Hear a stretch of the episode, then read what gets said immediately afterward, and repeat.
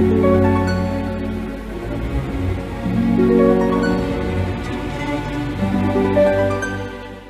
Gemini, saya dengan Madam Aza. Kita bacakan sekarang kartu tarotnya. Yang pertama adalah untuk karir, bisnis, peruntungan, ataupun finansial Gemini.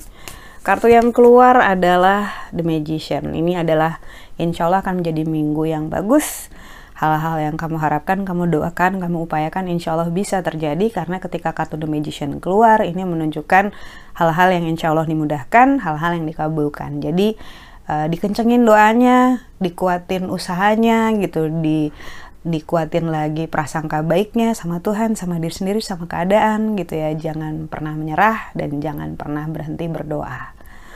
Lalu untuk percintaannya Gemini, kartu yang keluar adalah High Priestess ini adalah masa-masa diminta di mana kamu diminta untuk kembali ke dari ke dirimu sendiri gitu. Yang paling penting dalam relationship itu sebelum kita memulai relasi dengan orang lain jangan lupa relasi dengan diri kita sendiri gitu. Karena kalau menjalin relasi tapi kitanya nggak bahagia buat apa kalau misalnya kita menjalin relasi tapi kita menyakiti diri sendiri buat apa? Dalam arti paling penting banget untuk jujur sama diri sendiri apa yang kita sukai apa yang nggak kita sukai. Agar kita ibaratnya nggak nge-mute nggak matiin nggak ngecilin suara hati kita sendiri gitu. Kasihan loh gitu.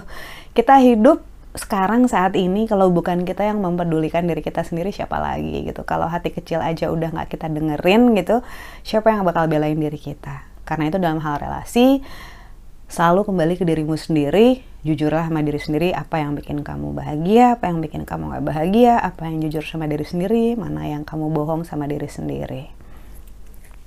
Lalu kartu nasihat yang diberikan untuk Gemini, kartu yang keluar adalah The Sun. Ketika kartu The Sun keluar, ini menunjukkan adanya kebahagiaan. Setelah kemarin-kemarin ada cobaan-cobaan ya dalam kehidupan, dalam kehidupan ada cobaan, ada keseruan gitu ya. Kartu desain ini menunjukkan happiness. Dewa Dewi bermain harpa di taman, bunga lagi mekar, matahari bersinar hangat. Ini menunjukkan adanya kebahagiaan, ideal, harmoni, hal-hal yang diupayakan insya Allah mulai membawa membawa hasil gitu. Hal-hal yang kamu ragu, kamu bikin kamu takut, insya Allah sudah ada solusinya juga. Kita aminkan saja, semoga Tuhan mengizinkan ya. Sekian bacaannya, semoga bermanfaat.